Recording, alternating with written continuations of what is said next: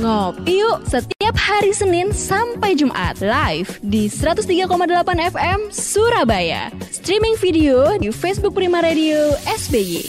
Ngopi, ngobrol inspiratif pagi. 103,8 Prima Radio Surabaya Musik Enak Seharian ini sudah ada pertanyaan di WhatsApp ya Tapi saya tahan dulu, saya mau ngingetin lagi nih Sahabat Prima kalau ada yang baru dari Cheers Alkaline Power 230 ml dengan pH alkalin hingga 8,5 membantu menyeimbangkan pH tubuh kita sehingga daya tahan tubuh kita lebih terjaga dan bisa melindungi Anda dari virus. Bentuknya seperti ini nih, kecil, seksi, gampang dibawa ke mana pun, masuk kantong juga cukup ya kan. Jadi bisa dibawa ke mana pun, kapan pun Anda bepergian. Dan untuk mau yang pesan untuk area Surabaya silakan hubungi 0877 77243377 atau 080712433377. Sahabat Prima di rumah aja, biar kami yang antar. Cheers Alkaline Power 230 ml, seksi, healthy, easy.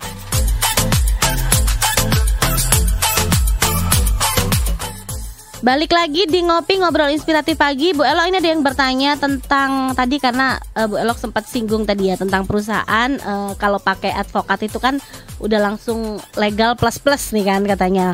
Ada Bu Indri bertanya, kalau rate-nya harganya untuk advokat sama legal tuh sama nggak sih gitu? Pertanyaannya begitu tadi kan bahas-bahas rate soalnya Bu. Gimana nih? Lebih mahal advokat kah Bu? Uh, Bu Elok, saya tidak mendengar suara Bu Elok kembali nih. Halo. Oke, okay, oke, okay, eh, oke. Okay. Suara saya udah jelas? Sudah. Gimana Bu ini? Pertanyaan okay. dari Bu Indri. Jadi kalau kita bilang rate legal dengan rate advokat itu beda atau tidak, mm -hmm. ya kita lihat dulu dari mm, ruang lingkup pekerjaannya apa saja nih. Iya. Kalau kita bilang ruang lingkup pekerjaannya seorang advokat yang yang ada di yang di hire menjadi legal di sebuah perusahaan yeah. pekerjaannya kurang lebih hampir sama seperti seorang legal atau hanya mereview kontrak kemudian kita hanya mengaudit mengaudit dari sisi legalnya sebuah perusahaan mm -hmm. atau kemudian kita ini dijadikan bumper perusahaan ketika perusahaan ini terjadi permasalahan itu sebenarnya lebih murah dibandingkan ketik uh, dibandingkan meng-hire legal yang harus dibayar tiap bulan hmm. dan kita juga lebih hemat tempat karena kita nggak ngantor setiap hari kita hanya visit ke perusahaan kemudian kita lihat ada permasalahan apa sih di perusahaan ini kemudian kita juga pasti meeting dengan eh, pihak-pihak terkait uh, biasanya dengan manajemen atau yeah. dengan HRD juga atau kalau misalkan permasalahan terkait ketenaga kerja terkait ketenaga kerjaan uh, setelah adanya undang-undang undang-undang cipta kerja otomatis kan banyaknya orang-orang yang bingung ini sebenarnya dasar hukumnya yang dipakai ini yang mana kemudian bagaimana sih cara mengatasi permasalahan nah yeah. terkait uh, trik-trik trik-trik atau cara cara kita uh, cara kita mengatasi atau bahasa ininya mengakali nih yeah. bagaimana, bagaimana mm -hmm. sebuah perusahaan tersebut tidak melanggar hukum mm -hmm. kemudian tetapi juga tidak memberatkan uh, tidak memberatkan ke, tidak memberatkan perusahaan. Yeah. Jadi kita bisa membantu menyelesaikan terkait kebijakan-kebijakan perusahaan ketika perusahaan tersebut ada permasalahan di bidang uh, pekerja, permasalahan dengan pekerja atau permasalahan uh, terkait utang piutang apalagi semenjak adanya pandemi COVID-19 ini banyak sekali perusahaan-perusahaan yang uh, gagal bayar. Hmm. Nah, gagal bayar ini gimana supaya gagal bayarnya ini tidak dibawa ke ranah hukum? Karena yeah. kalau untuk corporate sendiri, mereka kan otomatis menjaga nama baik dari perusahaan tersebut. Ya, menjaga nama baik perusahaan yeah. tersebut agar merek atau brandnya mereka ini kan tidak sampai uh, tidak sampai ketika terjadi permasalahan itu media bisa tahu atau dibawa ke ranah hukum ini kan yeah. bisa menurunkan atau terjadi degradasi atau kepercayaan terhadap corporate tersebut. Nah di sini kita bisa membantu corporate atau kita juga uh, bukan hanya corporate tetapi badan usaha ataupun perorangan itu kita juga bisa membantu. Jadi uh, hmm. terkait advokat sendiri kalau misalkan mau kontrak dengan hmm. advokat hmm. untuk uh, bukan hanya ini biasanya nih kalau sekarang ini kan uh, banyak profesi baru contohnya kayak istilah in, apa influencer. Yeah. Nah, influencer yeah. ini dia menghadapi permasalahan Betul. atau dia ini butuh nih membaca kontrak atau membuat kontrak dengan hmm. uh, pihak ketiga itu bisa kita hmm. bisa membantu terkait permasalahan tersebut Jadi sebenarnya tugas atau ruang lingkup advokat ini luas sekali. Ya. Karena sekarang juga ada ya influencer, youtuber, selebgram yang kita tahu nih banyak sekali kesandung kasus karena memang sebenarnya mereka juga kurang paham. Saya bilang uh, bukan tidak paham ya, bukan karena kadang memang kita masyarakat awam kadang kita kurang paham nih hal-hal apa yang sebenarnya tidak boleh dan boleh apalagi uh, hal tersebut di-share di uh, banyak orang. Ya kan Bu, seperti itu kan. Yeah. Sering kali kan terjadi itu. Jadi Benar, apalagi hmm Ya, apalagi kan pas undang-undang ITE, ya, ada betul. SKB bersama menteri, kemudian muncullah peraturan pelaksana peraturan pelaksana terkait undang-undang ITE tersebut otomatis kan orang kan dibingung yang dipakai ya. yang mana kemudian etika cara bermedsos yang Betul. baik itu seperti apa Betul. kemudian bagaimana sih cara kita menyampaikan keluhan kita mm -mm. di media sosial tapi tidak kita tidak hukum. dilaporkan yeah. oleh pemilik brand tersebut. Okay. Nah ini khususnya untuk influencer nih, untuk influencer, kemudian hmm. untuk uh, Instagram, Instagram apa ya namanya ya Kira ya? Selebgram, selebgram. Selebgram, ya. bener banget selebgram. Maaf nih kita generasi 90-an. Iya iya iya. ya. Oke. Jadi kalau untuk selebgram selebgram sendiri ini biasanya mereka ini kan suka mereview makanan Betul. atau mereview sebuah brand, yeah. mereview barang. Nah, bagaimana cara mereka mereview tetapi tidak uh, tidak menimbulkan uh, tidak menimbulkan maksud-maksud tertentu yeah. yang merugikan orang lain. Yeah. Apalagi kan kadang-kadang kalau kita beropini, hmm. kita berpendapat sebagai kita seorang influencer biasanya hmm. kan kita tidak tahu kalau ternyata ujaran-ujaran atau kata-kata tersebut yeah. yang kita sampaikan itu sebenarnya murni dari lubuk hati kita, tetapi ternyata itu mengandung makna penghinaan. Nah, seperti kemudian itu. mengandung hmm. makna ujaran kebencian. Kebencian, betul. Pencemaran nama baik. Nanti kan kasusnya ranahnya ke sana semua, ke sana semua ya, Bu ya. Banyak kan kasus kan terjadi yeah. seperti itu kan. Ya. Benar. Seperti beberapa ada satu lagi ya. yang kurang. Apalagi? Penghinaan. Oh iya. Penghinaan ini penghinaan. Oh, Kemudian fitnah. Fitnah ya. itu ada loh diatur di dalam undang-undang. Dia masuk di dalam pasal 311 KUHP. Jadi ketika kita menuduhkan sesuatu atau gini deh, ketika saya menuduhkan sesuatu, tetapi tuduhan tersebut benar, tetapi ya. memiliki muatan uh, menghina orang lain atau ya. merendahkan satu sosial orang lain itu bisa masuk mm -hmm. di pasal 310 KUHP. Tetapi ketika apa yang kita tuduhkan kepada barang ketika kita menuduhkan sesuatu hal kepada orang lain tetapi tidak sesuai dengan kenyataannya atau kita biasa sebutnya itu fitnah, yeah. itu masuk di dalam pasal 311 KUHP. Okay. Nah, biasanya kalau pasal 310, 311 ini pasalnya biasanya ini dia bergandengan tangan, bergandengannya banyak nih. Yeah. 310, 311, 315, kemudian Undang-Undang mm -mm, ITE mm -mm, pasal mm -mm. 27, pasal 29. Yeah. Jadi jeratnya banyak, banyak banget, banget. yeah. terkait penghinaan. Iya, iya. Iya. Makanya hati-hati. Jadi hati-hati betul. Karena karena sekarang ini sudah banyak kasus bahkan yang beberapa waktu lalu sempat seorang dokter juga itu ya Bu ya sampai masalahnya sampai ke mana-mana sampai banyak itu jadi ini ini jadi pembelajaran juga buat teman-teman apalagi uh, generasi milenial yang sekarang ini mungkin hobi bikin story uh, bikin tentang knowledge produk endorse endorse-nya juga harus diperhatikan buat Ibu Elok ya. Jadi memang ruang ruang lingkup advokat itu banyak ya Bu ya. Itu yang membedakan dengan legal. Jadi advokat bisa mendampingi juga secara pribadi ya. Itu ya. Nilai plusnya di situ ya Bu Elok ya? Iya betul banget. Uh, selain itu kalau untuk legal, ketika legal tersebut atau orang perorangan yang bukan legal, ini apalagi orang perorangan yeah, yang yeah, bukan legal, yeah. kemudian dia ini melakukan praktek praktek advokat, ada juga ketentuan pidananya di sini Cira. Oh ada. Ketentuan pidananya okay. diatur di dalam pasal 31 Undang-Undang Nomor 18 Tahun 2003, mm -hmm. uh, yaitu setiap orang yang dengan sengaja menjalankan pekerjaan profesi advokat dan bertindak seolah-olah sebagai advokat tetapi bukan advokat mm-hmm. sebagaimana diatur di dalam undang-undang ini dipidana dengan pidana penjara paling lama lima tahun dan denda paling banyak 50 juta 50 juta rupiah. Jadi wow. ketika seorang legal ini dia beracara, mm -hmm. uh, beracara atau dia melakukan praktek-praktek seperti praktek-praktek yang dilakukan oleh advokat, itu normalnya yeah. harusnya dikerjakan oleh seorang advokat. advokat. Mm -hmm. Dia diancam ada ketentuan pidananya itu lima okay. tahun atau denda paling banyak 50 juta rupiah. Oke, okay. jadi tidak sembarangan ya istilahnya ya. Nah, tadi berarti kalau dari diatur oleh undang-undang ini berarti seorang legal officer itu belum tentu seorang advokat. Begitu ya, Bu? Kalau saya mau ambil kesimpulan ya. Tapi kalau Iya, advokat bisa jadi legal gitu. Benar. Oke. Nah, benar, benar, benar. gitu. Oke, berarti eh terus begini, Bu. Legal officer ini berarti nggak harus seorang advokat ya? Tidak harus ya?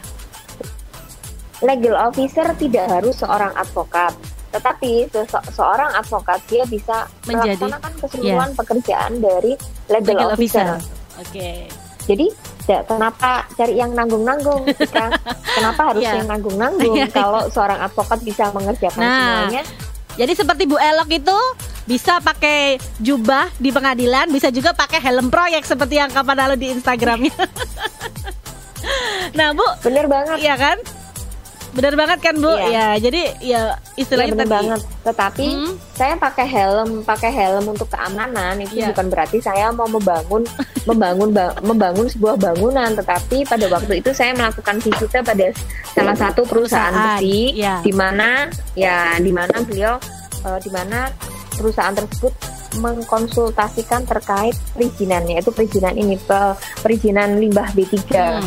Makanya Bu, saya harus datang, ya, saya harus melihat, melihat, lokasinya iya. seperti Saya apa paham dan kok. bagaimana.